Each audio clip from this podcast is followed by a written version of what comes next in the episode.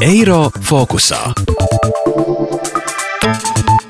Tas, ka Amerikas Savienotajās valstīs notikušajās papildvēlēšanās Džordžijas štatā uzvarēja abi demokrātu partijas kandidāti, nozīmē to, ka senātā tagad būs vienāds republikāņu un demokrātu senatoru skaits - 50 un 50.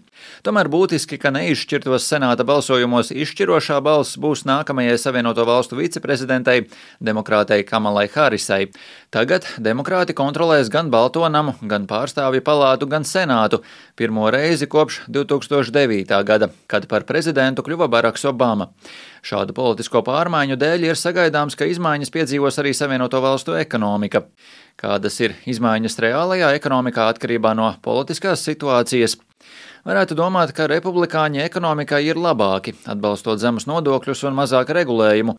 Tomēr saskaņā ar investīciju pētījumu firmas CFRA datiem kopš 1948. gada lielākais valsts iekšzemes koprodukta pieaugums gadā, laikā, kad republikāņi kontrolēja gan Balto namu, gan kongresu, bijis 2,7%, bet demokrātu laikā vairāk nekā 4%. Akciju tirgiem gan labāk veicies tad, kad pie varas bijuši republikāņi.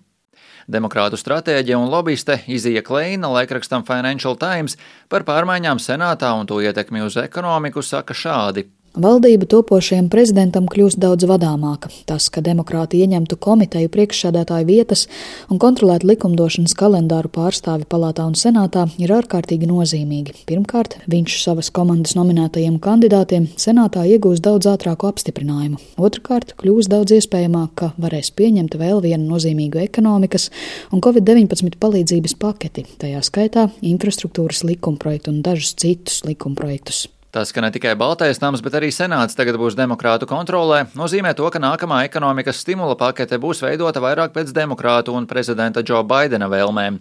Nākamā ekonomikas stimula pakete varētu iekļaut tiešāku līdzekļu piešķiršanu amerikāņiem, ārkārtas bezdarbnieka pabalsta pagarināšanu pēc pašreizējā termiņa beigām martā un lielāku palīdzību maziem uzņēmumiem. Paredzēts iekļaut lielāku palīdzību valsts un vietējām pašvaldībām, ko apliecinājis arī Baidens, uzsverot, ka ir vajadzīga nauda, lai droši atvērtu skolas, kā arī valsts un vietējās pašvaldības varētu saglabāt darbu skolotājiem, policistiem un ugunsdzēsējiem. Tāpat jāatzīmē, ka iepriekšējā paketē tika iekļauts stimula čeks 600 dolāru apmērā, ko paredzēts saņemt lielākai daļai amerikāņu, un senāts nobloķēja priekšlikumu šo summu palielināt līdz 2000 ASV dolāriem. Taču nākamās paketes pieņemšanas brīdī demokrātu kontrolēts senāts šādam priekšlikumam šķēršļus varētu nelikt. Hārvarda Universitātes Kenedija skolas ekonomikas profesors Jasons Furmans uzskata, ka stimula pakotne nāks par labu ekonomikas izaugsmai un riski lielākā apjoma čeku izmaksā amerikāņiem nav saskatāmi. Manas prioritātes būtu palīdzība valsts un vietējām pašvaldībām, vairāk naudas vakcīnām un testēšanai, bezdarba apdrošināšanas pagarināšana, pārliecināšanās, ka arī nākamgad ir pieprasījums. Tas viss ir svarīgāk nekā stimula čeki.